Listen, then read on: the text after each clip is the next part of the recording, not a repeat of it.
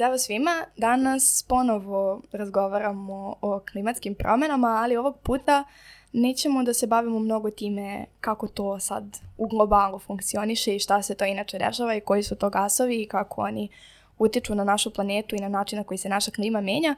Ovoga puta se trudimo da uradimo nešto što napravimo onaj korak koji nam nekako svima najteže pada, a to je da shvatimo da klimatske promjene nisu samo nešto što se dešava tamo nekom, na nekom drugom kontinentu ili nekoj drugoj planeti, nego zapravo i nešto što nama u Srbiji već sada pravi problem i što će tek da nam pravi probleme u budućnosti, od nekih, da kažemo, sentimentalnih do nekih baš i realnih problema sa kojima je pitanje da li ćemo moći da se izborimo.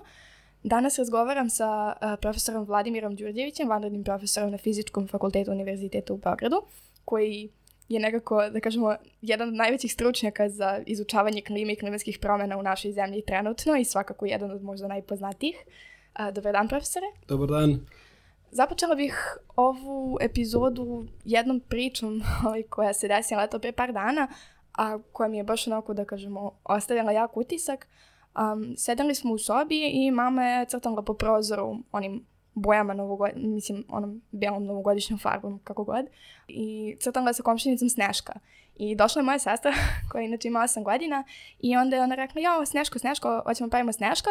I ja sam onda shvatila da to dete, pitanje je koliko je puta u životu napravila Sneška, da ga je možda napravila kad je otišla na zimovanje negde na neku planinu, jednom, dva put, tri put, koliko god, ali da nešto što je meni bilo sve vrijeme kad sam bila mala, sad je zima, sad idemo da pravimo sneška, da to odjednom više ne postoji, zato što sneg, evo, nema ga, ve, znači i pitanje koliko će ga zapravo i biti i ove zime kao i prethodnih, um, nekako nešto što nam je bilo potpuno normalno i nešto za što mi vezujemo zimu, kao uh, leto je kada sije sunce, a zima je kada pada sneg. I nekako smo izgubili sad i taj jedan deo načina na koji razumemo zimu kao godišnje doba, prosto mislim živimo dakle u tom jednom delu zemlje, dakle u umerenom pojasu imamo godišnja doba i znamo kako da ih razlikujemo i sad odjednom se to potpuno menja gde mi ne znamo uopšte kada počinje zapravo zima i da li kada ja izađem sada iz ove kancelarije gde snimamo, da li će da bude 20 stepeni ili će da bude minus 10. Pa evo, dobar dan profesor još jednom, da negde započnemo razgovor možda prva stvar koja nam padne na pamet kod klimatskih promjena, to je ta promjena temperature, ono što zovemo globalno zagrevanje. Kako, mislim, kako to izgleda na teritoriji Srbije? Jel kod nas se sve vrijeme zagreva, to je vazduh ili kako se to dešava? Da li ovo što nam je nekada hladno znači da se mi u nekim trenucima uspešnije borimo sa klimatskim promjenama ili je to nešto drugo? Pa, da, zagrevamo se konstantno, s tim što se svako godišnje doba zagreva za sebe, tako da tokom zime i dalje imamo hladne periode i tokom zime i dalje hladnije nego leti, tako će da ostane u budućnosti, ali kad gledamo sve četiri sezone, kako mi najčešće zovemo u klimatologiji, a ne godišnja doba, zato što u klimatologiji godišnja doba počinju početkom odgovarajućih meseci, znači zima počinje prvog mjeseca i završava se zadnjim danom februara, onda proleće počinje 1. marta i traje opet do kraja maja i tako dalje. Znači nemamo, ne koristimo ove astronomske datume za godišnje doba. Znači kad gledamo sve četiri te sezone, mi vidimo sve četiri sezone uh, zagrevaju kod nas. I zagrevaju se uh, prilično, odnosno vrlo lako je ustanoviti, ne mora čovjek da radi neke fine stat, statističke analize da bi on video to zagrevanje ili da bi razumio da li je to zagrevanje zbog klimatskih promjena ili možda zbog neke prirode variabilnosti klime vrlo lepo se vidi da je posljedica zagrevanja sezona kod nas posljedica globalnog otopljenja, znači globalnog zagrevanja cele planete usled povećane koncentracije gasova sa efektom staklene bašte, koji su došla ta povećana koncentracija došla od aktivnosti ljudi, znači mi smo koristili previše fosilnih goriva, emitovali smo previše ugljen dioksida, povećala se njegova koncentracija u atmosferi, efeka staklene bašte, malo smo pritegli taj potencijometar, malo jači nego što je pre bio, cela planeta je toplija i u Srbiji su sva godišnja doba u proseku toplija nego što su bila pre. Tako da u svim godišnjim dobima to, to vidimo. U toku leta obično je onako taj najvidljiviji deo tog zagrevanja su toplotni talasi kojih kod nas ima duplo više i duplo su češći i duplo duže traju nego što su, nego što su pre bili. A u toku zime priču o globalnom zagrevanju i porastu temperature vidimo kroz to što imamo sve manje snega u, u Srbiji. Prošle godine u nekim delovima Srbije nije bilo uopšte snega, nije palo. U Beogradu ga je bilo vrlo malo. Tako da je s te strane možda zima E, vidljivi dokaz klimatskih promjena zato što baš ta, e, je e, vrlo evidentno da nam fali jedan element koji definiše godišnje doba kao što ste rekla, to je da nam fali sneg. I nažalost deca koje najviše uživaju u snegu, poslednjih godina imaju sve manje prilike da, da ga vide. Čak i nekih prethodnih godina kad je bilo snega u Beogradu i malo više, kao recimo 2012. to je u stvari bila jedna epizoda koja je trajala jedno, dve, tri nedelje, pa smo imali malo veće količine snega, što se prilično razlikuje od nekih situacija iz sredine prošlog veka kad kad je u Srbiji bilo snega maltene tamo od, od kraja novembra ili početka decembra pa sve do kraja februara, znači imali ste maltene non stop snežni pokrivač, tako da sneg nije bio, bilo nešto se čeka, nego s tim se, da kažem, živelo u, to, u toku zime. I to mi polako gubimo zbog klimatskih promena i gubit ćemo još evidentnije u budućnosti. Znači u budućnosti sigurno da ima sve manje snega i sve manje ćemo da ga srećemo. To ne znači da u pojedinim zimama neće možda da bude malo više snega i da se neće dešavati situacije da imamo i malo duže zadržavanje snežnog pokrivača, ali u proseku gledano dugoročno biće ga sve manje. Što se tiče toga kako klimatske promene izgledaju u, u Srbiji, mi smo deo planete koji bi mogao na neki način da bude i primer ostatku ili velikom delu ostatka planeta, zato što se kod nas klimatske promene dešavaju malo brže nego što je globalni prosek. Tako da ovi drugi kod kojih se klimatske promene i promene koje se učavaju tim klimatskim elementima na način kako, kako se oni me, način kako se oni menjaju, znači dru, u drugi delovi sveta bi mogli da, da pogledaju malo kod nas i da vide šta ih to možda čeka kroz, kroz, nek, kroz neki period. Jedna od zanimljivih činjenica je da je naš region trenutno već prešao tu granicu od 2 stepena koja se pominju u Parijskom sporazumu. Znači, Parijski sporazum kaže da globalna temperatura treba da se zustavi na granici ispod 2 stepena, ali ako danas pogledamo recimo zadnjih deseta godina koji to delovi sveta su možda topliji za više od 2 stepena, vidimo da je jugoistočna Evropa jedan od delova sveta koji se već zagreo. A mislim, zbog čega je to tako? Da li je to posledica toga što mi živimo na geografskoj širini na kojoj živimo ili je to posledica zbog toga što je, mislim, ovaj deo Evrope je relativno kontinentalan u smislu da smo daleko od nekog velikog okeana, da imamo Mediteran tu na jugu, ali evo prva Srbija je potpuno kontinentalna država, nemamo izlaz na more, ili se dešava nešto treće, ili to ima veze sa našim aktivnostima i koliko je zapravo to, da kažemo, lokalna stvar. I, ima, ima veze sa tim, s našim geografskim položajem. Mm -hmm. Generalno, najbrži deo planete koji se zagreva jeste severni polarni krug Znači, severni pol se zagreva duplo brže od ostatka planete i razlog je zato što se e, na severnom polu ubrzano topi led, a led je neka vrsta ogledala koja omogućava da se jedan deo sunčevog zračenja reflektuje direktno nazad u kosmos bez da ga absorbuje klimatski sistem kao neku vrstu energije. Tako da, za, za razliku od ostatka planete gde podloga absorbuje sunčevo zračenje, pa se onda od te podloge zagreva vazduh, na severnom polu se sunčevo zračenje reflektuje i ta, tamo niko ne absorbuje, da kažem, tu toplotu. I ako imate što manje leda, onda je sve to gledalo manje, Ako je gledalo manje, onda sve više energije ostaje u stvari na toj lokaciji, zato što umesto lede se pojavljuje kopno ili voda koja absorbuje tu energiju i zbog toga efekta severni pol se zagreva duplo brže uh, od ostatka planete. Ostali delovi planete koji se brže zagrevaju su kontinentalni, kao što se rekla. Znači, u principu, što ste dublje u kontinentu nekom, da kažem, veće su šanse da ćete uh, da se zagrevate malo brže od proseka, deo naše planete koji iznad vode se zagreva malo sporije zato što ogromnu količinu te dodatne energije apsorbuju u stvari okean koji ima veliki toplotni kapacitet. Tako da u stvari nad, nad okeanima globalno zagrevanje se bolje vidi u tome koliko energije je ostalo u okeanu nego što se vidi u temperaturi vazduha.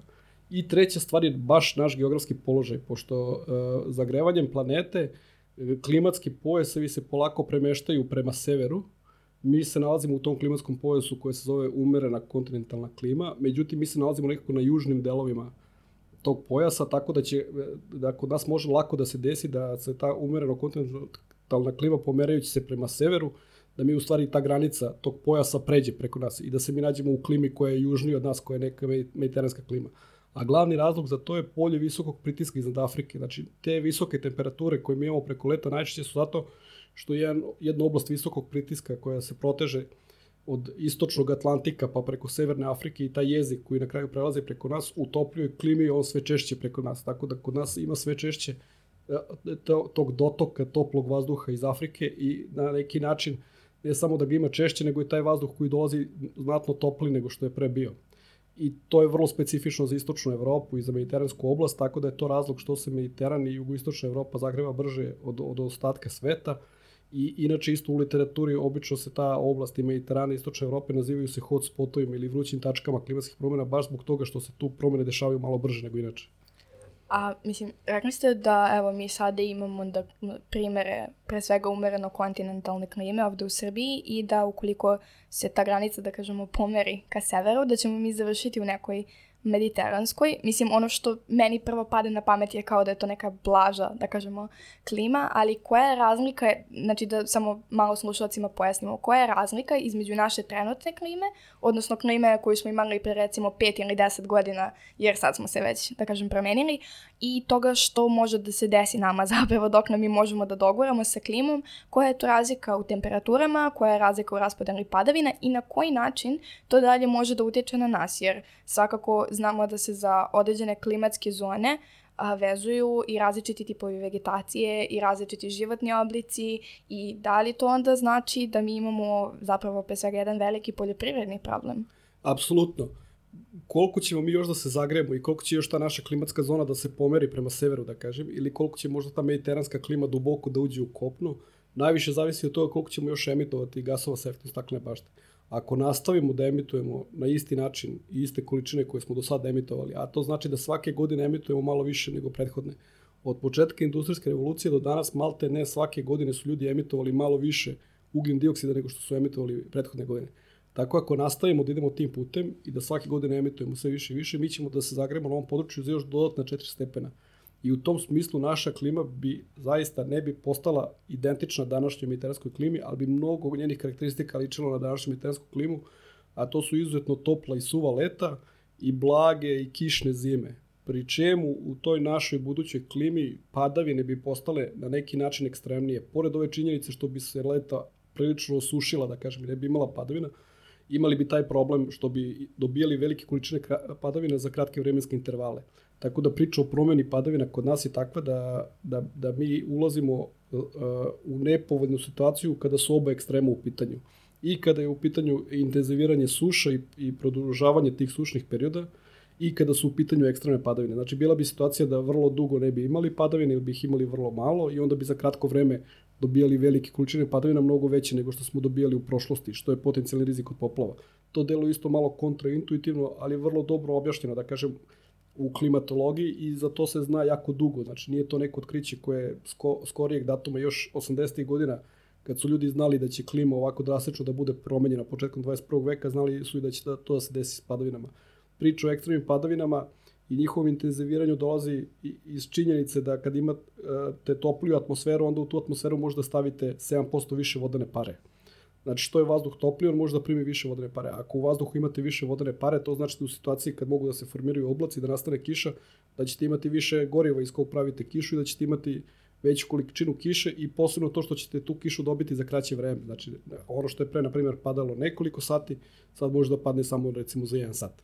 Tako da u tom smislu je kod nas situacija vrlo nepovoljna i jedna od stvari koje će na vrlo dobar način to da oseti, da kažem, u kojoj će to biti evidentno ne na dobar, nego na negativan način, jeste poljoprivreda, pošto je poljoprivreda, to isto svi znamo često se kaže za poljoprivredu da je fabrika na otvorenom, pod vedrim nebom, što jeste istina, ali tako?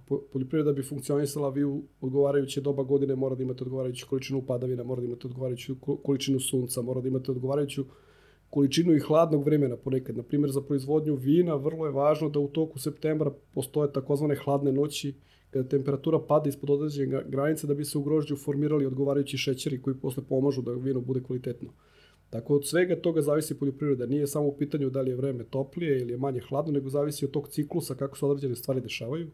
I onda kad gledamo šta će sve da se desi sa tim ciklus, ciklusima, većina tih ciklusa će nepovoljno da utiče na poljoprivredu. I mi smo imali neke primere u prošlosti šta možemo da očekujemo. Na primjer, 2012. godina je bila izuzetno topla i sušna u Srbiji i kako kažem, o, taj opis 2012. liči prilično na nešto što mi očekujemo da će bude prosečna godina u budućnosti. Tako da to što se desilo 2012. to je primer kako će otprilike prosečna godina u budućnosti da izgleda i mi znamo da te godine, na primjer, proizvodnja kukuruza je bila manje za 50% kod nas. Tako da ako mi odemo tom putanjem da smo 4 stepena topli, 2012. postaje neka prosečna godina, mi znači imamo situaciju da, ćemo, da će poljoprivreda vrlo trpeti. Ono što je dobro, što to nije jedini scenario, nije jedini put koji možemo da idemo, postoji drugi put koji zove Parijski sporazum. A to je put tokom kojeg globalno društvo prestaje da koristi fosilna goriva negde oko dve, između 2050. i 60. godine. Znači to treba se desi, da, pre, da promenimo naše e, načine kako proizvodimo energiju, da fosilna goriva pošaljemo u prošlost, a da počnemo energiju da proizvodimo iz obnovljivih izvora i da prestanemo da emitujemo gasove sa efektom staklene bašte. To bi značilo da bi od ovog trenutka trebali svake godine da emitujemo sve manje i manje ugljen dioksida, u takvom scenariju mi ćemo se zagrejati za dodatnih 1 stepen. Tako da će klima opet i u tom slučaju u budućnosti biti promenjena, ali će biti mnogo manje promenjena nego što bi bila promenjena ako se zagrejemo za 4 stepena. -huh. A, mislim, rekli ste da, a, dakle, ta mediteranska klima, ili pseudo-mediteranska, ako ćemo tako da je nazovemo, da se ona karakteriše time što su zime, pre svega kišovite. A, samo, znači, kod nas je trenutno u, našoj, u našem da kažemo, klimatskoj zoni, situacija je takva da su nama najkišniji maj i jun, jel tako? Da. Jel, mislim, to onda znači da će se nama bukvalno sve te padavine pomeriti na, Verovatno. za par meseci unapred, jel tako? Verovatno, da. A one poplave koje smo imali tipa 2014. Aha. ako se ne varam, to isto bi moglo da postane učestalije ili... Apsolutno. Pa mi očekujemo, kažem opet zbog tog intenziviranja padavina, očekujemo i situaciju da će poplave da budu češći, da će da budu na neki način razornije nego što su bile u prošlosti. Znači, na, klimatska scenarija nam pokazuju i te projekcije budućnosti nam pokazuju da te poplave koje su bile proglašene za 100-godišnje i 1000-godišnje mogu da se dešavaju mnogo češće u budućnosti. Sad ne mogu tačno da kažem koliko je ta povećana učestalost, ali recimo da, da, da bi mogli da se dešavaju jedan put u 30 godina. Znači, umesto da nešto čekate 100 godina da se desi, može se, da, da takva stvar da se desi svake 2-3 decenije što je mnogo češće, posebno kada su u pitanju te, te, te kažem, tako vrlo razorne, razorne poplave. Još jedna situacija isto zanimljiva po pitanju tih poplava iz 2014. Zašto su one, zašto njih možemo da očekujemo češće nego što, što bi se one potencijalno dešavale u nekoj staroj klimi. Jedna od stvari koja se isto menja na planeti zbog zagrevanja jeste i način kako vazduh putuje preko hemisfera odnosno kako mi kažemo opet u meteorologiji, klimatologiji, kako izgleda ta hemisferska cirkulacija. Uh, pošto postoje određene zakonitosti, ja kažem kako vremenski sistemi putuju. I uglavnom na severnoj hemisferi vremenski sistemi putuju od zapada prema istoku i postoji jako visoko, negde na 10 km, što zove mlazna struja. To je jedna reka brzog vazduha koja izgleda kao neka zmija koja je omotala hemisferu i ta reka u stvari vodi te ciklone i anticiklone koji prelaze preko nas. U staroj klimi koja je bila stabilna, da kažem, situacija je bila takva da su se cikloni i anticikloni premeštali preko određenog područja u periodu od recimo 3-4 dana. Znači vi ciklon počne da nam dolazi tamo sa zapada, onda prelazi preko Srbije, ispusti određenu količinu kiše i ode dalje na istok. Ono što se trenutno dešava jeste opet zbog tog ubrzanog topljenja leda na severnoj hemisferi, da se taj način premeštanja vremenskih sistema takođe menja. Znači nije samo da se planeta zagreva, nego i vaz, način kako vazduh cirkuliše preko planete se menja. I uočeno je da se sve češće dešavaju situacije da se ti cirkulacijni sistemi zamrznu. Znači umesto da putuju od zapada prema istoku, oni ostanu kao da ostanu ukočeni na nekom području. I ako iznad vas ostane zamrznut taj ciklon, to znači da ćete puno dana za redom da imate velike količine padavina. Umesto, umesto onda prođe preko vas i dode na istok, on ostane zamrznut i ispušta padavine non stop. I to se desilo 2014. godine. Tako da je to jedno od opasnosti, da kažem, koje možemo očekivati u budućnosti, to zamrzavanje cirkulacije koje može da donese veliku količinu padavina u periodu od nekoliko dana. S druge strane, ako se kod vas e, desi da vam se zamrzne ovaj brat od ciklona, to je anticiklon koji donosi lepo vreme, onda ćete vrlo dug period da imate vrlo toplu, uh, uh, vrlo, vrlo topao vazduh, vrlo sušne uslove, tako da zamrzavanje ciklo, anticiklona znači da ćete imati toplo i suvo vreme i isto je, na primjer, zanimljivo kad su bili veliki požari u Rusiji 2010. godine, kad je bio jedan od najjačih toplih talasa ikad u Evropi, to se upravo desilo zato što je jedan anticiklon ostao predugo iznad tog dela ovaj, Rusije. Tako da zagrevanje, kažem opet što je vrlo zanimljivo, ne znači samo da temperatura raste, nego i način kako vazduh putuje preko planete se isto menja i u tom smislu i ta promena može, može neki način da bude nepovoljna. Tako da kod nas se očekuje povećana učestalost i tih sušnih epizoda koje mogu da budu još intenzivnije i tih vlažnih epizoda, znači epizoda sa, sa puno vrlo intenzivnih padavina, koje mogu tako u dužem vremenskom periodu opet zbog tog zamrzavanja da imamo ne samo te kratkotrajne intenzivne padavine, nego možemo da imamo tako opet 4-5 dana i da bude puno kiše i onda poplave iz 2014. godine opet na neki način postaju nešto što, da kažem, nije normala, što, što ne možemo da očekujemo svake godine, ali no, možemo da očekujemo mnogo češće nego što je, što je bilo u prošlosti. Mhm. Spomenuli ste i požare koji su se desili u Rusiji i svedoci smo toga da zbog klimatskih promjena upravo, ali i zbog nekih drugih delovanja ovi ljudi, imamo situaciju da nam sve češće gore šume. Imali smo problem sa a, Amazonom, u nekim slučajevima je to bilo, da kažemo, e, Ljudi su, ljudi su u nekim slučajevima to izazvali, ali u nekim slučajevima se dešavalo da samo tako bukne.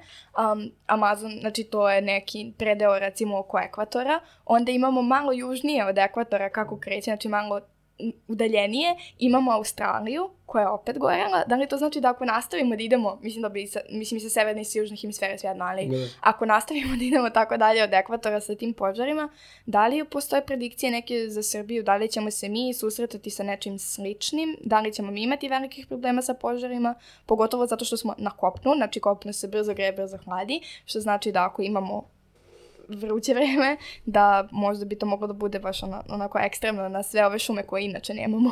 Apsolutno. E, Imali smo veliki požar ove godine, isto godina je bila zanimljiva 2020. po pitanju požara, zato što su bili ogromni požari recimo u Sibiru i u Kaliforniji su bili isto e, najveći požari ikad zabeleženi. Posebno po pitanju površine i to je jedna od glavna, glavnih stvari kada su klimatske promjene u pitanju. A, I što se tiče Amazona, ljudi jesu tamo, da kažem, izazvali većinu tih požara, zato što su htjeli da iskrče šume i da naprave poljoprivredno zemljište ili za ispašu stoke, ali trik je u tome što vi kad izazovete požar, čak i kad, kad, kad ljudi zovu požar, onda su uslovi da se taj požar širi mnogo povoljniji nego što su bili u prošlosti. Tako da i u Amazonu ako ljudi zapale namerno, iskrče neki deo šume i sad zapale, da bi to očistili, ti požari lakše budu izmaknu kontroli i onda možda naprave veću štetu nego što bi inače napravili da nisu da, da, da se to nije desilo. E sad zbog čega požari brže izmaknu kontroli? Postoje dve stvari. Jedna stvar je da zbog visokih temperatura i ovog što smo malo prepričali, tih dugotrajnih perioda jako toplog vremena, izostane i izostaju i padavine. Znači vi imate sušni period u kom izostaju padavine, a opet sad da se vratimo, a zbog visokih temperatura vo, voda iz zemljišta brže isparava nego što je pre isparavala. Tako da suša nije samo to kad fale padavine, nego je suša kad fale padavine i kad još puno ispari vode iz zemljišta. Zato što u tom slučaju u stvari u zemlji imate manju količinu padavina nego što ste pre imali. Tako da e, klimatske promene i toplija atmosfera e, donose tu situaciju da se razlika između toga koliko padne kiše i razlika koliko toga ispari e, iz zemljišta povećava, je tako? Viš, manje kiše pada zato što su često ti sušni uslovi bez kiše, a s druge strane voda brže isparava i brže se gubi sadržaj vode u tlu. I u šumama je to vrlo važno, zato što glavno gorivo za širenje šumskih požara je nisu stabla koja su, da kažem, živa, nego je ta organska materija koja je nakupljena na, na površini šume. Tako da ako vi imate kombinaciju ove dve stvari da dugo fali kiša, a da voda brzo isparava, onda taj uh, površinski sloj organske materije se dobro osuši, da kažem, i postane odlično gorivo za širenje požara.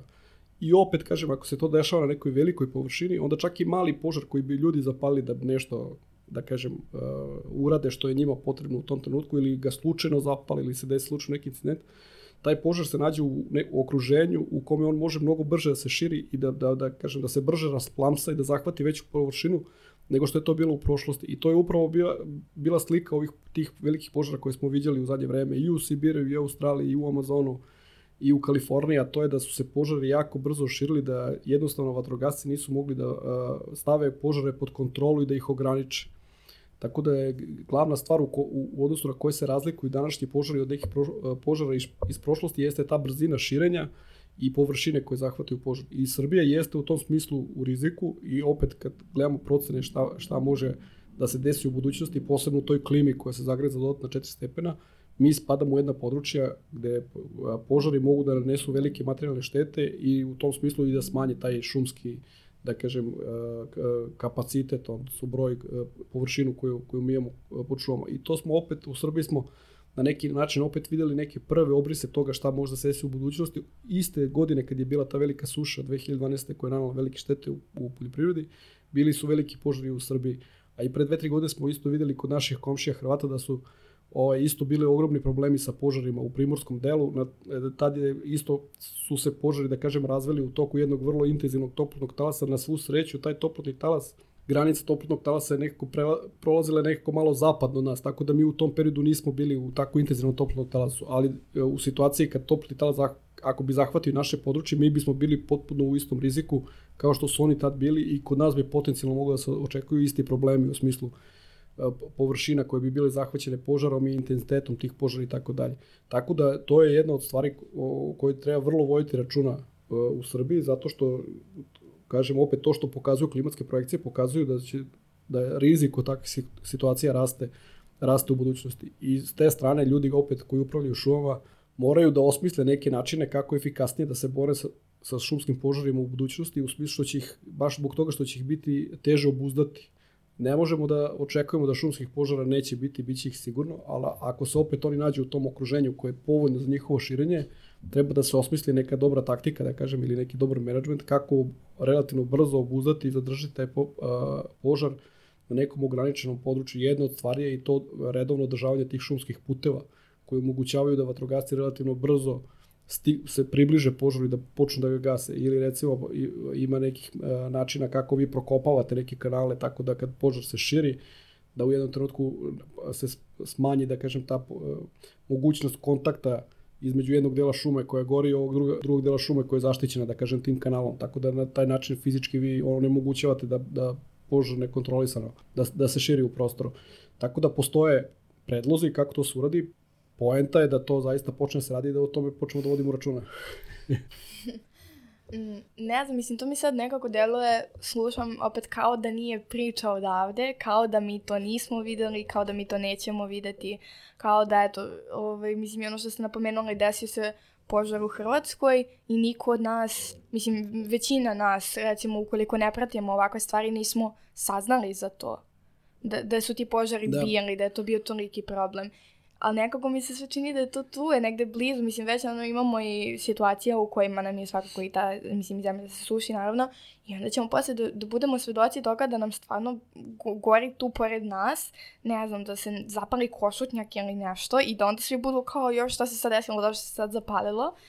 Ali ono što me onda, mislim, na što me to vuče jeste da razmislim malo o tome kao i na stanu što je košutnjak tu, kao blizu je grada, Isto tako, pored toga što smo blizu šume, blizu smo i reke i onda kada imamo poplave, em što će da se spira svo to zemljište u šumi, što ćemo ponovo da imamo poljoprivredne probleme.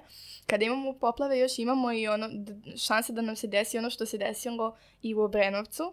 I svedoci smo toga da živimo u jednoj sredini gde je potpuno normalno graditi stvari na reci, bukvalno odmah uz reku i e, svedoci smo toga da smo već videli neke gradove a, po svetu kako su poplavljeni, kako ono, prosto nije izgrađena na vreme ta infrastruktura koja bi mogla da im pomogne da se od tih poplava zaštite. Postoje države, na primjer, poput Holandije, koje su jednim dobrim delom ispod nivoa mora mm i koje će bukvalno u narednih, narednim decenijama postoji vrlo jedna ozbiljna šansa da budu potpuno poplavljene koliki je tu rizik za Srbiju s obzirom na to da, da mi imamo tu, da kažemo, u tom slučaju je to možda čak i sreća da nemamo more, ali ovaj, koliko možemo da očekujemo zapravo i da, to uništavanje te silne infrastrukture i na sve to možda opet da, da, da, mislim da se nismo dovoljno fokusirali na poljoprivredu kao takvu i na to šta zapravo sve, jer mnogo je stvari koje mogu loše da pođu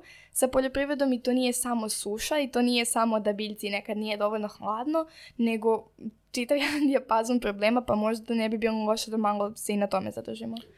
E, može, pre toga ću samo da, ovo se lepo primetila da često ne gledamo šta se to dešava oko nas ili ne razumemo to što se dešava. To je problem sa klimatskim promjenama, stvari su često nekad abstraktne ljudima i teško im je da povežu.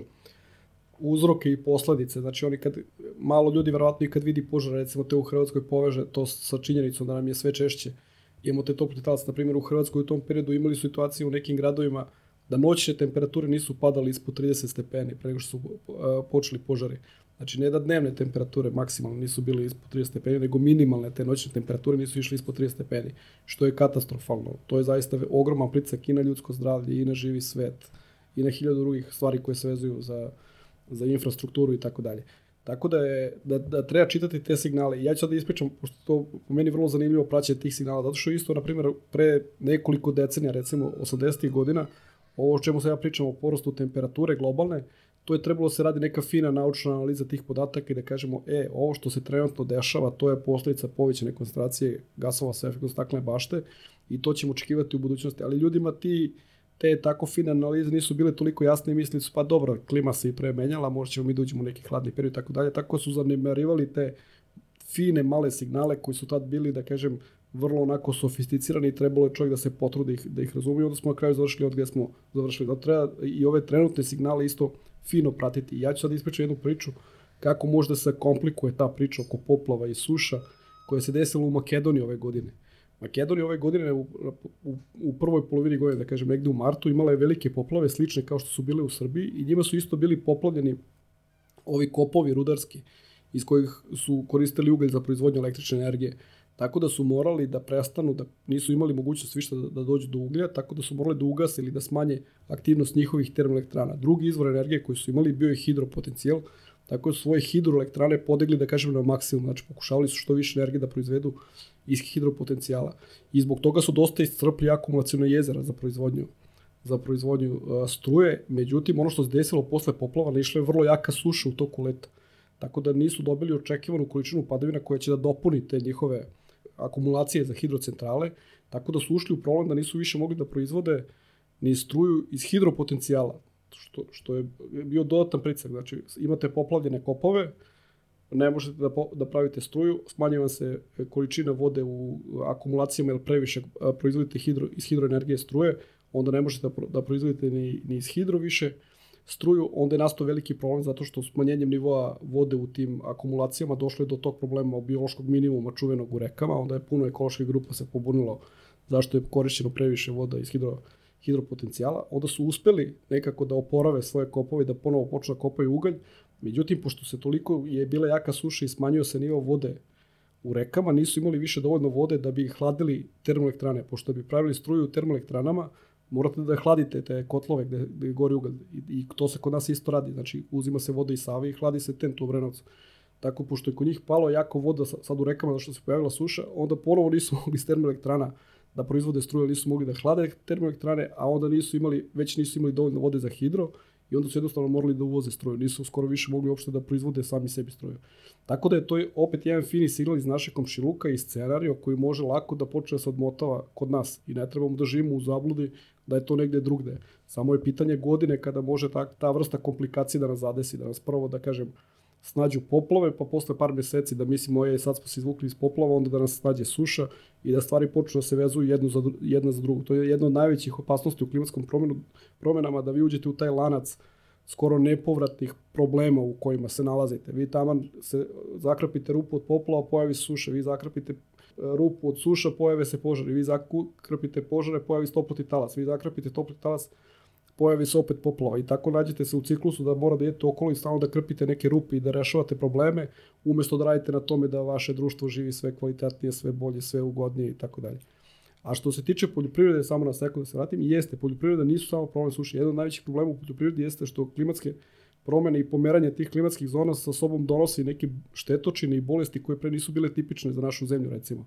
Tako da poljoprivrednici sve više e, sreću, da kažem, s nekim bubicama koje pre ovde nisu bile tipične i s kojima ne znaju da se nose i ne znaju kako da ih se reše i te bubice o, takođe odnose sve više i više, da kažem, prinosa u našoj poljoprivredi. I bubice, kažemo opet i razne, razne bolesti. Tako da jedno od problema kod nas u budućnosti će biti to što zove zaštita bilja. Znači morat će ljudi opet koji se bave poljoprivrednom proizvodnjom da nauče nekako da se štite i da se, da se čuvaju tih nekih novih bolesti. Posebno što se kod nas, na primjer, kad vi uzgajate neku autohtonu vrstu, da kažem, koja nije navikla da, da se viđa s nekim novim bubicama, onda imate problem da sama vrsta nema, nema mehanizme da se odbrani od toga, zato što jednostavno nikad nije bila u kontaktu s tim, ili s nekom bolešću koja je bila tipična.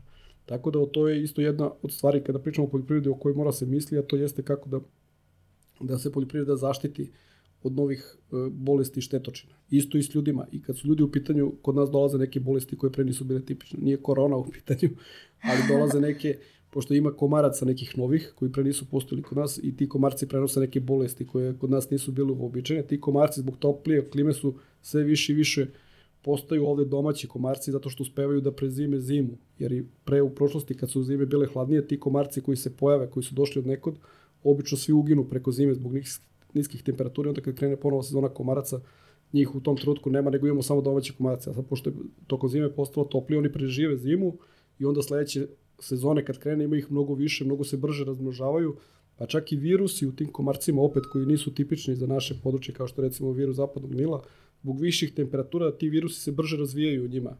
Tako da vi imate opet, uh, em što imate više komaraca, em u njima ima više virusa jer se virus brže razvija zbog viših temperatura. Tako da stvari su vrlo zamršene i često vrlo nelinearne. Znači, ne znači ako se jed, nešto tamo pomeri za jedan, da će neka druga stvar koja zavisi od toga da se pomeri, promeni za jedan. Ako se ovde promeni za jedan, na nekom drugom mjestu može se promeni za pet. Da, sad razmišljam baš ono, oko svog tog pomeranja i pomenuli ste autohtone vrste. To je nešto što, o čemu smo mi već imali prilike da pričamo na podcastu o autohtonim i o invazivnim vrstama i vidimo već da postoje um, i neke vrste koje su svoj put, da kažemo, našle u Srbiju.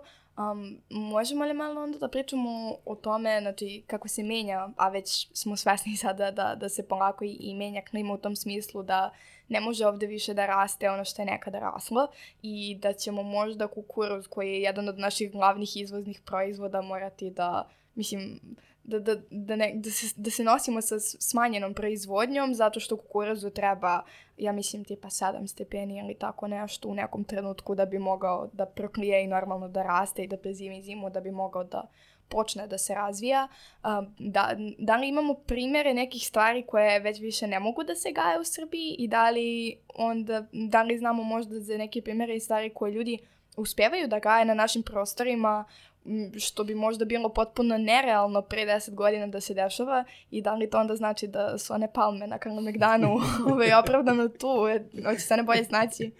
Pa ne znam, te, to, ja mislim da su te palme na Kalemegdanu neke te planinske palme koje mogu da budu i u, u hladnijoj klimi da žive, čak da preživi i sneg ako ga nema dugo. Ali u tom smislu e, palmama će sigurno da bude bolje kod nas nego što bi im potencijalno bilo pre 30 godina. Nisam siguran da je kod nas nešto nestalo do sad zbog klimatskih promjena, mada mm -hmm. može da se desi. Zato što jedna od stvari, to, to bi trebali biolozi da se detaljnije pozabave time. Klimatske promjene nije samo pitanje pomeranja tih klimatskih zona od juga prema severu, nego i pomeranje po nadmorskim visinama. Znači, opet plastično malo ispričano, znači ono što je recimo bila klima Brusa pre 30 godina, sad se već polako približava Pančićevom vrhu. Evo, a s druge strane znamo da obično tim planinskim vrhovima žive, da kažem, neke vrlo specifične vrste koje, za kojima zaista treba neka vrlo specifična lokalna klima, određene temperature. Tako da u tom smislu moguće da su kod nas neke vrste nestale, koje možda nisu praćene ili možda ljudima nisu bile zanimljive. Postoji uvek tu nekih travčica, cvetića i takvih stvari koje su vrlo, vrlo lokalne. A dobro, su... imamo, mislim, i na tim prostorima imamo, pogotovo u tim planinskim predvorima, dosta endemskih vrsta Jeste. o kojima se jako vodi računa. Imamo gore Pančićevo moriko i neke četinare koji su isto Pančićeva za nas... Pančićeva morika može da bude u, u problemu u budućnosti, upravo zbog tog otopljenja, ali kažem, trenutno i dalje uh, situacija nije toliko promenjena da bi te, da kažem, robustnije stvari uh, uh, nestale, ali možda ima tih nekih malih za koje možda nismo dovoljno obraćali pažnju i nešto, koji su negde izgubili, ali kažem, klima, taj promeranje klimatskih zona znači da su planinski vrhovi danas topli otprilike kao što su pre 30-40 godina bile, bili klimatski uslovi par stotina metara niže, znači na par stotina metara niže nadmorske visine. Tako da treba vojiti računa o tim planinskim vrhovima, posebno kog, kog da kažem interesuje biologija, kako će te vrste koje, koje su opet bile tipične samo za te najviše delove plina, kako će one potencijalno, potencijalno ovaj, odreagovati. Ali znam primer, na primer, koji je lepši nego, nego primjer Palmi, da je nešto kod nas došlo, a da ga pre nije bilo, a to jeste upravo ovaj, grožđe i, i da kažem vina koja su pre bila nekako tipičnija za te južne mediteranske krajeve, a nisu bile za Srbiju. E sad kako, kako otprilike je ta priča? Vino je i grožđe su jedno od najosetljivijih poljoprivrednih kultura u smislu klimatskih uslova. I ljudi koji se bave uzgojem vinove loze vrlo vode računa o tome kakvi su klimatski uslovi, jer znaju da, da bi dobili grožđe određenog kvaliteta iz kog će da proizvedu super kvalitetno vino, moraju klimatski uslovi da se nađu u nekim granicama koje su vrlo jasno definisane. Tako da recimo u prošlosti kod nas je postoji širaz ne, neka sorta ove, vinove loze koja u prošlosti je, kod nas isto mogla da raste, ali taj kvalitet grožđa nije bio dovoljan da bi vi iz njega dobili super vino širaz. Tako da su ljudi možda kod nas u prošlosti taj širaz uzgajali, ali nisu uspevali iz njega da izvuku taj kvalitet koji je očekivan za, za proizvodnju vina. Međutim, zadnjih deseta godina ljudi su kapirali ovi e, vinogradari da je klima postala toplija i da potencijalno kod nas treba da se proba da se proizvodi širaz i trenutno u Srbiji na nekoliko mesta se pravi širaz koji je isto kvaliteta kao širaz iz Mediterana. Što znači da su naši klimatski uslovi toliko bili promenjeni da danas oni mogu da podržavaju tu sortu, u smislu dobijanja tog najkvalitetnijeg mogućeg, mogućeg proizvoda, što nije bilo, što nije bilo moguće u prošlosti. I ima još nekoliko, čuo još nekoliko sort, sorta, tako da vina su vrlo i grožđe su vrlo zanimljivi za praćenje klimatskih promjena, kažem opet iz razloga zato što postoje vrlo jasno definisane te granice gde šta može, gde šta ne može, tako da čak i temperatura kad se promeni za relativno malu vrednost na nekom području, to može da znači da na tom području jedan put možete uzgajate određene, određenu sortu vinove loze koju pre niste mogli da uzgajate. ok, da, ovo je možda jedna od, da kažemo, redkih lepih stvari da. koje mogu da se, da se dese ovako i svakako mislim da ćemo vremenom imati situaciju da imamo i nove vrste, svakako da će to da oduzme veliku količinu novca što zbog infrastrukture, što zbog Um, dakle, sa, mislim, i sami poljoprivrednici će mnogo da se napate sada zbog toga i uh, maline, na primjer, koji su naš glavni izvozni proizvod, pitanje je kako će izgledati i njihovi prinosi u budućnosti i pitanje je kako će to sve da, mislim, da li će ljudi sa malina morati da pređu da gaje, ne znam, pamuk. Da, živećemo u vremenu u kome, u kome se stvari brzo menjaju treba isto ovo da, da nam bude jasno. Mi smo sad od početka industrijske revolucije, to je ono što sam na početku pričao i ono što sam naglašavao, svake godine smo emitovali malo više ugljen dioksida nego prethodne. Tako da se taj proces vremenom ubrzavao. Znači u početku taj porast temperature izgledao blago, bio je toliko blag da je neki put bio zamaskiran tim nekim prirodnim oscilovanjem klime koje je kvazi periodično, a kako odmicalo vreme, taj signal je postao sve jači, jači i naš lift u tom porastu temperature se kretao sve brže i brže prema višim spratovima. I sad ono što sam, isto što sam malo pre rekao, znači mi ćemo u narednih 30 godina u najboljem slučaju ako se ispuni parijski sporazum da vidimo zagrevanje globalne klime za još jedan stepen. Znači za 30 godina ćemo videti isto što nam se desilo poslednjih stotina godina, znači od kraja 19. veka. Tako da će u narednih nekoliko decenija te promene kojima, o kojima sad pričamo i kojima svedočimo, da se još brže odmotavaju pred našim očima. I u tom smislu će zaista da bude uh, na neki način izazov ispratiti sve to i razumeti šta sve dešava. Treba će, o, kako da kažem, četvore oči da budu otvorene da bismo mogli sve da ispratimo i u tom procesu praćenja svega toga isto je pitanje kako će kod da se snađe. Na primjer, za poljoprivrednike je zanimljivo da su oni ukapirali isto da klima, pored ovih vinogradara, ukapirali su da se klima menja i zbog toga, na primjer, menjaju svoje neke prakse iz prošlosti. Recimo, shvatili su da pošto je toplije da mogu ranije da posaju, recimo, neke poljoprivredne sorte. Iako im niko nikad nije pričao ni o klimatskim promenama, ni o prilagođavanju na klimatske promene, ni o modelima koji služe da se proceni kad će šta se desi. Jednostavno ljudi vide šta im se dešava u životu i tome se prilagođavaju. Tako da ta ubrzavanje cele te priče ostavlja, postavlja nam u stvari veliki znak pitanja kako uh, kako ćemo to mi da se prilagođavamo, ko će da ima prioritete i zbog toga o tome treba vrlo razmišljati i promišljati, baš da ne bismo ušli u neke situacije da se nađemo u nebrnom grožđu, kad smo već spominjali grožđe. Da, pa sad mi pada na pamet, mislim, pretpostavljam da jako veliki problem postoji i kod ribolova, s obzirom na to da, mislim, znamo da u zavisnosti od toga o kom toku reke pričamo, u različitim tokovima postoje različiti, da kažemo, klimatski uslovi, Ovaj, pa je, na primjer, gornji tok hladniji, ima više kiselnika, dok je donji tok topliji, ima manje kiselnika i postoje različite vrste riba koje su navikle da žive, na primjer, samo u gornjem toku. Ako se ne varam da je pastrmka jedna od njih, ali svakako, mislim, znam, znam da postoje tačno koja riba može gde da živi. I ako se sada i to pomera, isto kao što se pomera u vis kada, kada se nalazimo na planinama, to onda znači da će možda čak i oni ljudi koji se bave zapravo ribolovom, kao, mislim, na, način da prežive suštinski, da će i oni morati da se prilagode i da će i oni imati mnogo manje, da kažemo, i prihode i svega ostalog i da će možda čak neke vrste tu da... Verovatno, ja ću sad ispričam isto jednu priču, nisam stručnjak za sve te šarenolike oblasti, ali pokušat ću da ispričam priču koja, koja se tiče ribe, ja znam da se trenutno dešava u Srbiji i na neki način tu priču je otvorio WWF kod nas, pričaju o mrestu, zato što postoji taj ribarski kalendar neki, kada se kaže od kog dana do kog sme da se peca određena vrsta ribe, kad ne sme, jer kad je riba u mrestu, onda ne bi trebali da je pecaju. I taj kalendar je kod nas bio fiksni, znali su se datumi, sad ja ne znam tačno koji su datumi, ali recimo da je bio kalendar fiksni, da se znalo da od 1. aprila recimo, pa do nekog tamo maja, ta vrsta ribe ne sme da se peca zato što je u tom periodu u mrestu i onda da ne bi e, tu ribu koja je puna ikre da ne bi bila upecana nego da mogu da se da polože jaja, onda je bila, bila zabrana peca. Međutim, šta se dešava? Pošto je klima postaje toplija, a taj mrez zavisi u stvari od temperature. Znači, ribe nemaju kalendar da pogledaju da li je prvi april ili nije, onda mrez počinje ranije. Tako da, recimo, ako je mrez počinjao 1. aprila, a sad zbog toplih uslova riba krene da se mresti 15. marta, onda u stvari pecaroš imaju tih 15 dana lufta, da kažem, nije, ne znaju ni oni, nego jednostavno tako se desi. Postoji 15 dana lufta kad vi imate dozvolu da pecate i kad možda pecate tu ribu koja je u mrestu. I onda je to problem što vi u stvari izlovljavate ribu koja je u mrestu i tako smanjujete budući taj riblji fond zato što jednostavno taj jaja neće budu položeni. I zbog toga možda već rade na tome, a možda planiraju da rade, a možda su već nešto i uradili, ne znam, možemo da ih pitamo, ali WWF u Srbije tražio da se taj riblji kalendar da ne zavisi od datuma, nego da zavisi od temperature vode ili da zavisi od nekih, da se jednostavno riba proverava iz dana u dan, da li je ušlo u mrest ili nije i na osnovu toga da se proglašava datum kad šta sme da se radi. Jer ovo sa datumom više ne funkcioniše očigledno.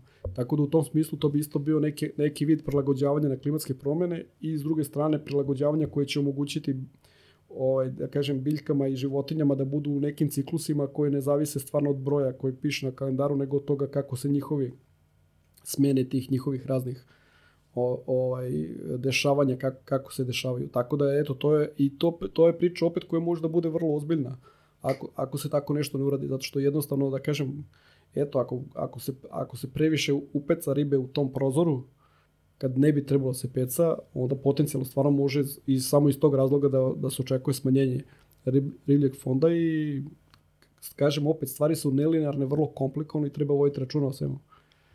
Da, ovako nekako delo je samo kao da smo uzeli na, nabrali jedno 20.000 problema, a nismo ušli ni u detalje svega onoga što se trenutno dešava u našoj zemlji. I mislim nekako ja sam već neke stvari od ovih čula, neke su mi stvarno nove ovaj, i nekako mislim da ne mogu više uopšte da, da zamislim da su klimatske promene nešto kao potpuno, potpuno abstraktno, ali ono što mene zanima jeste šta mi sad možemo sa tim. Pomenuli ste Parijski sporazum, bilo je sredinom decembra, ako se ne varam, pet godina od a, samog Parijskog sporazuma i bilo je dosta, dosta ovaj, žalbi na to kako smo do sada uspjevali da se, da kažemo, nosimo sa tim zahtevima koje Parijski sporazum imao po pitanju smanjenja um, emisija. Mislim, zavisi naravno i kako ko. Naprimjer, Britanci su imali ovaj, tu sreću da su oko marta, februara, marta, tako nešto, imali su niz od tipa 100 dana bez uglja i skoro su prestanjeno, pogasili su termoelektrane i to je baš bilo, ne znam sad kako je to stanje da li je promenjeno zbog korone, da li su morali da se vrate, nisam 100% sigurna, ali svakako znamo da su ono, definitivno da investiraju u takve stvari. Vidimo da je sada i solarne sve više i tako, mislim dobro, mi smo i dalje uh, mi smo, i dalje se fiksamo ugljem, to je tako. ovaj, i, I jedna od alternativa, upravo, mislim, jedna od redkih alternativa koje u Srbiji postoje, um, to je ono, pored, da kažemo, nafte i gasa koje opet nisu ovaj, dobra alternativa, to je voda i ako pratimo malo šta se dešava u komšiluku, vidimo da ni to možda ne može da nam pomogne i da nas spasi. A, ne znam, nekako mi deluje kao da opet se nalazimo u toj situaciji jadna, bespomoćna, siromašna država koja ne može a, da živi zelenije i to, to mi je nekako mnogo, mnogo strašno i ne znam više ništa možemo da, da radimo, jer sve vreme kao nemamo para, ne možemo to da rešimo, a sve će to mnogo više da nas košta. Da li postoji neki način da mi to, da, da mi nekako da promenimo. Pa mislim, e, jasno mi je da ni sve i da se sama Srbija promeni, ovo je globalni problem i jasno je da um, i velike države moraju hitno da se probude i da svoje emisije smanje, ali mislim, pričamo o tom parijskom sporazumu više kao nekom idealu, više kao o tome da mi svi zajedno radimo na tome da smanjimo svoje emisije do tamo neke godine kako ne bismo stradali previše, a stradat ćemo svakako i već stradamo i već gomila ljudi umire na godišnjem nivou zbog posledica klimatskih promena.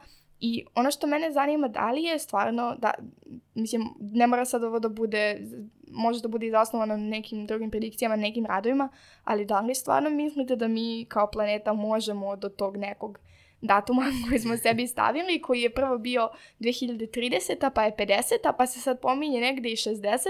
a Srbija do 2050. ne može da počne da razmišlja da se prebacuje na obnovljive izvore.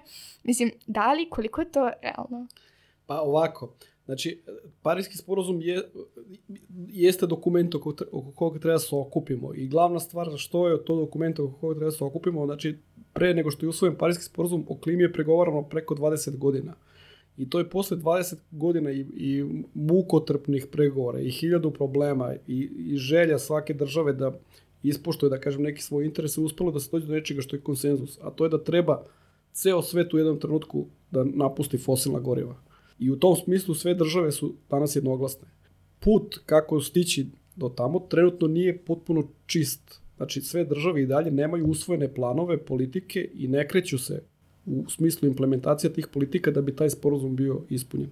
I to je razlog zašto treba da, da i dalje, da kažem, bdimo nad Parijskim sporozumom i da ne, da, da ne budemo uh, ni pesimisti ni optimisti po njegovom po pitanju toga, nego da budemo realisti.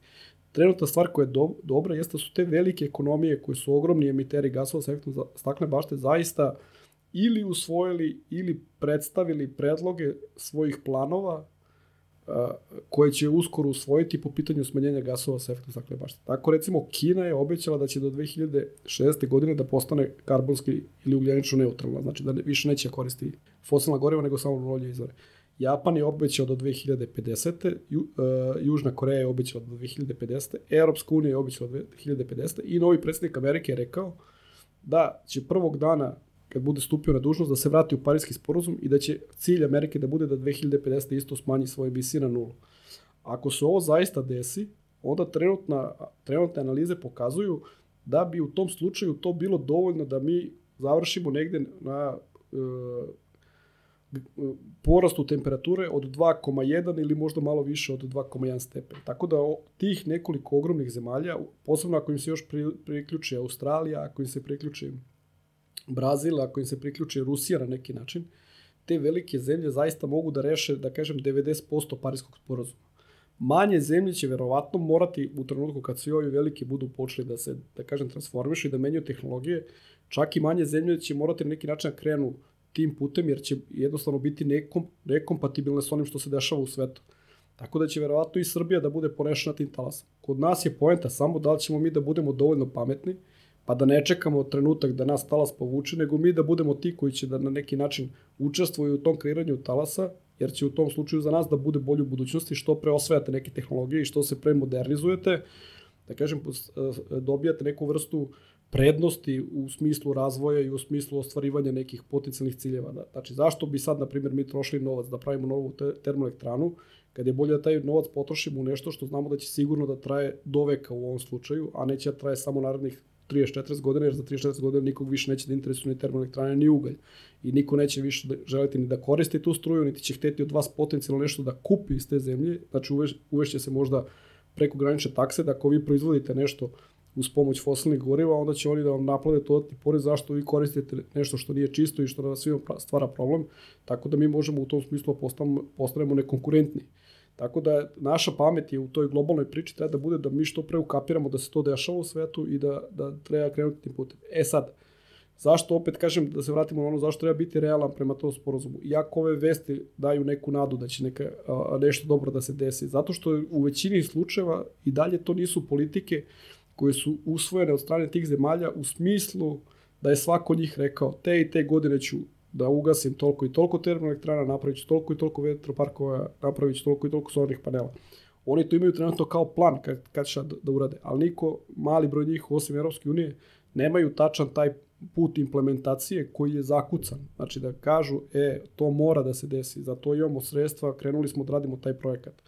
Tako da se očekuje sad u u narednom periodu da vidimo da te zemlje zaista to implementiraju na tom nivou obaveze unutar samih država kao zakona. Znači jednostavno kao zakon to mora da se uradi. Čekamo to da vidimo i ono što je najvažnije što trebamo da sačekamo da vidimo jeste da se to zaista implementira, da to što su one, da kažem, i predstavile kao planove i što su na neki način usvojile na nivou nekih zakonskih regulativa, da one to zaista rade u realnom životu. Odnosno, treba da vidimo da te globalne emisije počinju da padaju. Znači, ne da bude potpuno suprotno onog što se do sada dešavalo. Umesto da rastu svake godine malo više, da krenu, da padaju. Ta ćemo znati da smo, da smo na dobrom putu. I sad, št, ovaj, ka, kako svi mi možemo da pomognemo tome i na globalnom nivou, pa i, u, i u Srbiji. Jedna od stvari je, ja mislim, ta koju vi radite sa ovom emisijom. Znači, treba što češće koristiti priliku da pričamo o raznim problemima i aspektima životne sredine i da pokušamo ljudima da približimo tu temu. Većina ljudi danas, jako je da, po pitanju toga što je dijalog o životnoj sredini kod nas u zemlji verovatno bolja situacija nego pre deseta godina, mnogo više postoje organizacija koje s time bave, ljudi su mnogo za, više zainteresovani za teme. I ako se taj broj, povećao, mi treba u stvari da probamo da dođemo do, do još šire publike. Znači, što više ljudi bude bilo informisano i što više ljudi bude razumelo o čemu se radi, više će ljudi da traže dodatne informacije da im se objasni, a kroz to traganje za dodatnim informacijama to će da se nametne kao neka vrsta teme u društvu, tako da i oni koji vode zemlju biće na neki način više radi da se bave tim problemima i njima će to da postane, da postane važno. Iako mi često vidimo da su političari na neki način diskonektovani od realnog života i da, da ne vide potrebe ljudi, oni umeju vrlo dobro i da slušaju šta ljudi pričaju. Tako da što više ljudi, evo na primjer sad je problem vazduha bio u Srbiji, Videli smo, na primjer, da u, u ono, pre deseta godina svakom od političara da ste, da kažem, postavili neko pitanje u vezi kvaliteta vazduha ili nečega, verovatno bi ono dao neki najbazičniji odgovor i pokušao da što pre skrene s te teme. Sad vidimo da i oni pokušavaju na neki način da se malo uključuju u tu priču, što je veliki pomak u odnosu na nešto što je bilo što je bilo u prošlosti. I dalje to nije ono što očekujemo od njih. Znači, a šta očekujemo po tom pitanju? Očekujemo da rešavaju taj problem, da rade konkretne mere, da nešto urade. Ali opet na neki način i oni su se, da kažem, malo trgli, ukapirali su da to ljudima postaje sve važnije i zbog toga i oni hoće na neki način da pokažu dobru volju i da urade nešto, nešto po tom pitanju. Tako da taj pritisak javnosti kroz priču i kroz postavljanje pitanja i kroz zahtevanje je vrlo važan element u svemu tome. Ako opet se vratimo u prošlost i vidimo neke druge ekološke probleme kako su rešavani u prošlosti, najefikasniji su uvek bili rešeni kad se veliki broj ljudi pobunio, da kažem, i kad je veliki broj ljudi zahtevao da se nešto, da se nešto desi. Tako da u tom smislu, kad su klimatske promjene u pitanju, vrlo je važno da što češće pričamo o tome i da probamo nekako najširoj moguće publici.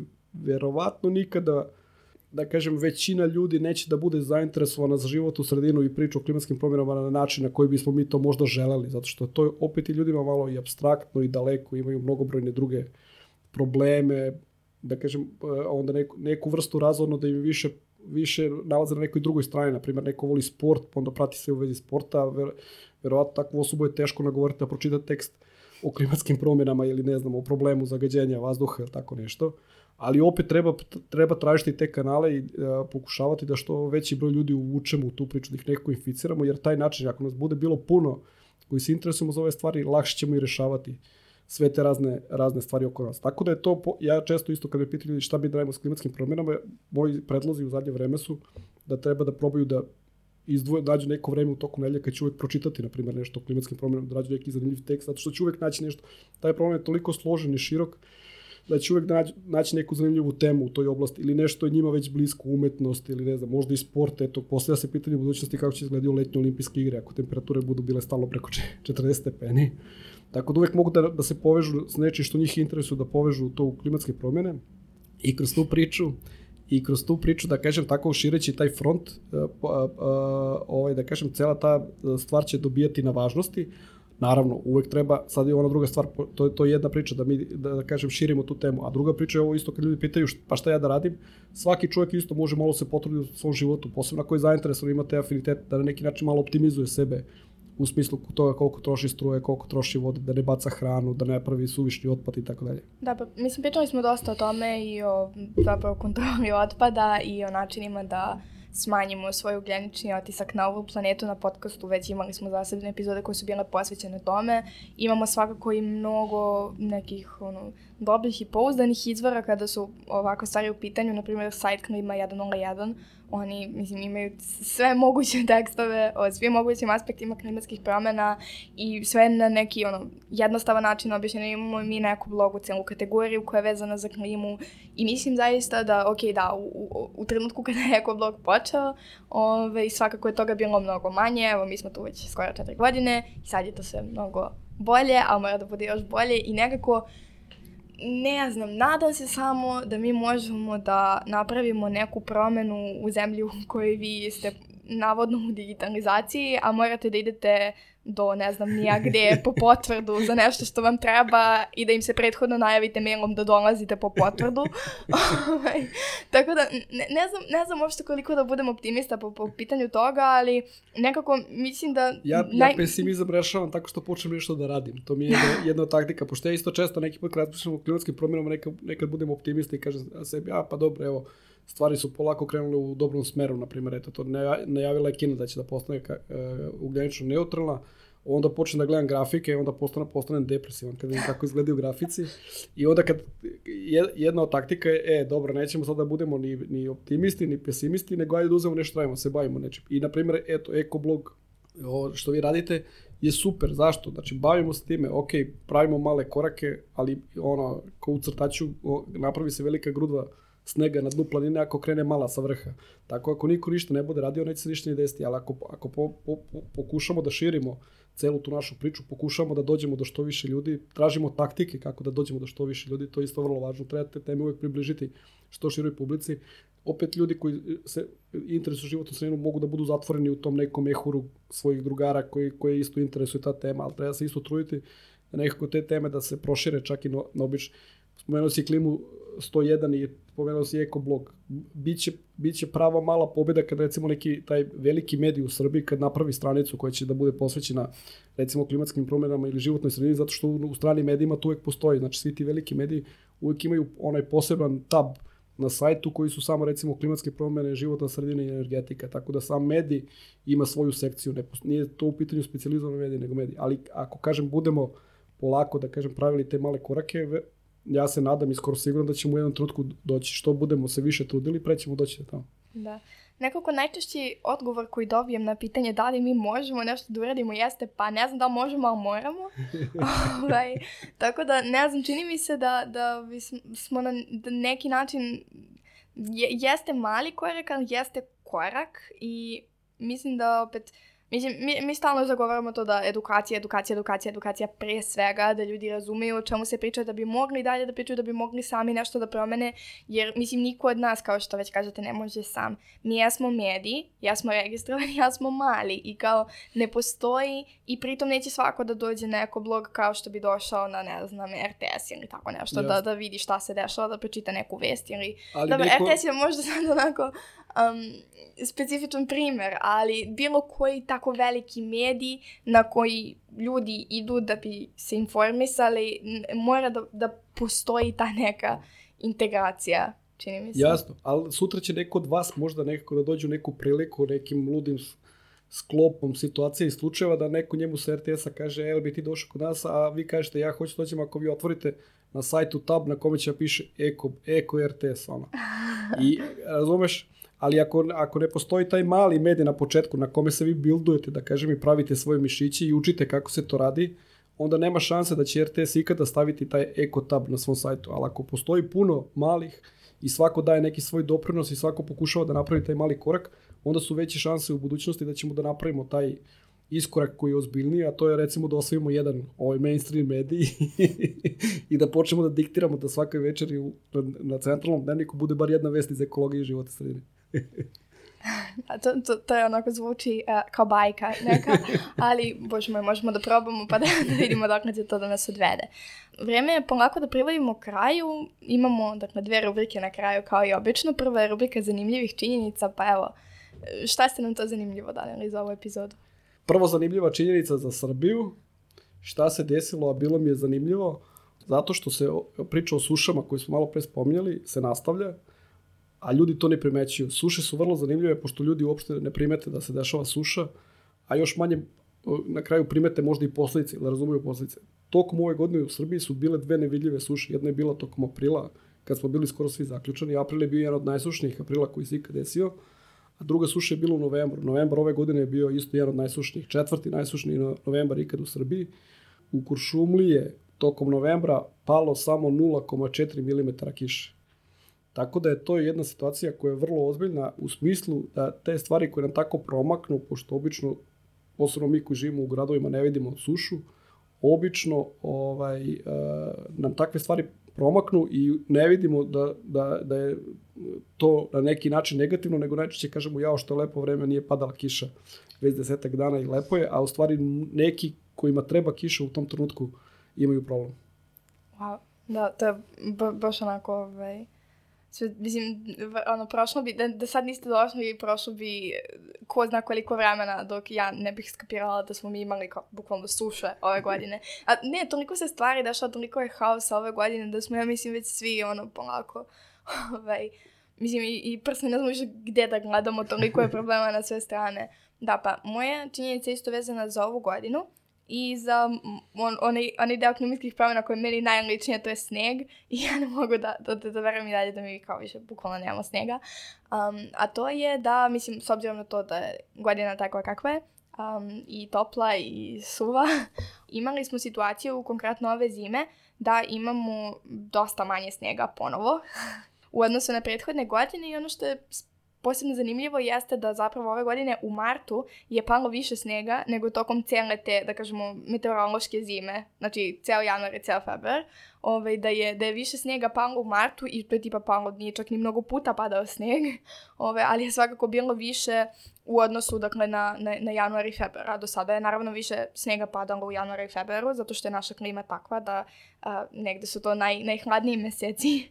Tako da ne, ne, meni je nekako to, to, to ono, zanimljivo koliko smo, mi smo bukvalno izgubili sneg ne znam, ja, ja ne mogu da, nekako kad god ide priča o da klimatskim promjenama, da, meni je to neverovatno, jer kao, ok, mislim, jasno mi je, postoje i vremenske nepogode i dešavaju se, ali to su sve kao neki problemi koji nisu bili tu, a sada su tu, a ovo je nešto što je sve vreme bilo tu i sa time sam ja praktično odrasla i sada ga kao nema.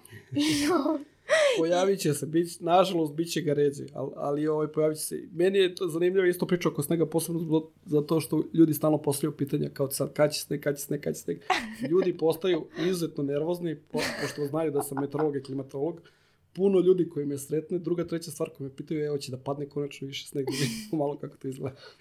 Pa da, sam, mislim, ne mogu, ne mogu više se znači, upašću opet u neku depresiju. Ovaj. Ništa, bolje, bolje da se izločimo iz, iz ove rupe ovaj, i prelazimo na lepe vesti. Evo, profesore, zanima me šta je to lepo što se desilo ili lično, ili naučno, ili generalno društveno u nekih prethodnih, da kažemo, nedelju, dve dana, da je baš bilo lepo. Evo, jedna lepa vest, baš o ovome što smo malo pre pričali, a to je o širanju te priče i širanju fronta ljudi koji hoće da se uključe u ono što su klimatske promjene i rešavanje tog problema. Ja sam juče uh, imao sastanak, da kažem, malo sam držao predavanje, malo sam pričao sa studentima fakulteta dramskih umetnosti. Wow. Eto, klimatske promjene su došli do fakulteta dramskih umetnosti. Studenti fakulteta dramskih umetnosti imaju svoj godišnji festival koji je međunarodni, koji zove FIST, i na sledećem festivalu koji će se desiti 2021. godine, verovatno će festival da bude na neki način i zelen, pokušavaće, ili ne da će pokušavati, nego radit će na tome da promovišu nešto je zeleni teatar, to je pozorište koje ne samo da se bavi zelenim temama, nego i pokušava da funkcioniše na principima koje su klimatski neutralna ili recimo bolje za život u sredinu tako što pokušavaju da koriste materijale, pokušavaju da koriste celu infrastrukturu isto pozorišnu koja ostavlja manji utjecaj na životnu sredinu, pokušavaju da uh, da celu organizaciju, znači transport robe i sve ostalo, da nekako preoblikuju, da, da, da i oni štede na resursima i pokušavaju da se bave temama koje, koje su na neki način, da kažem, društveno odgovorne po tom pitanju i to je zanimljivo i to je upravo ta priča da treba zaista na što više mesta otvoriti ovu temu, jer samo na taj način, ako nas bude dovoljno glasnih, moći ćemo da napravimo neki iskorak i da, da, ovaj, da, da, da celu priču preokrenemo u nekom smeru koji je, koji je mnogo povoljniji od svih tih tužnih priča kao te priče da više nema snega. da, meni, meni je uvek prelepo stvarno kada vidim da se ovako neke teme provuku u umetnost i mislim da je to možda jedan jedna od boljih strategija zapravo da se do većeg broja ljudi dođe, jer kada umetnici počnu nečime da se bave, to postane tema i tekako. Sa moje strane, lepa vest, za mene lepa, za moje školovanje ne znam koliko, ovaj, ali evo, s obzirom na to da smo već završili sve oko ovog EcoCon projekta i da, se, da su se meni stvari ovako malo ovaj, smirile sa obavezama, ja ne mogu da sedim mirno, ja sam odlučila da počnem novi projekat. ovaj, dogovorila sam se sa, sa nekim društvom koga, mislim da kažem uslovno rečeno, znam preko interneta, ovaj, sa neke grupe na kojoj se nalaze ljudi koji pričaju međusobno o knjigama i o pisanju i o čitanju i tako. Ovaj, dogovorili smo da ćemo počnemo novi podcast koji će da bude međunarodni i na kom ćemo mi da pričamo o knjigama iz žanrova fantastike i naučne fantastike, s obzirom na to da su nam to omiljeni žanrovi i Mislim, trenutno smo još u fazi planiranja, ja nemam pojma kako će to da izgleda uh, i ne znam zašto sam na sebe stavila ponovo tu odgovornost da pravim još jedan podcast, ali nema veze. mislim, delo je zabavno i u ovo doba nenormalno mislim da nam stvarno treba ta, tako nešto ovaj, lepo da, da, da se bukvalno nečemu posvetim. Jer ja, ja ne znam, ja da sedim ceo dan kod kuće, da se, mislim, svakako većinu vremena već i provodim u kući zbog korone i zbog toga što nema fakulteta oko uživo i zbog svega. I nekako, ako ne nađem sebi nešto čime ću ja da se bavim ceo dan, onda odma ide patos u krevet i 10 sati nema ustajanja. tako da, tako da, eto, to je, to je neka lepa vest. Um, to je nešto što, eto, Um, ne znam kako će da ispadne, ali sam jako optimistična po tom pitanju. Evo sad sam jako optimistična po pitanju tog ekoteatra. ovaj, ono što sam upravo shvatila jeste da ova epizoda izlazi 31. decembra. Tako da ljudi, srećna vam nova godina, srećni vam svi mogući praznici šta god da slavite. Uživajte, nadam se da će 2021. da bude bolja od ovoga jer gore ne može. I slušamo se.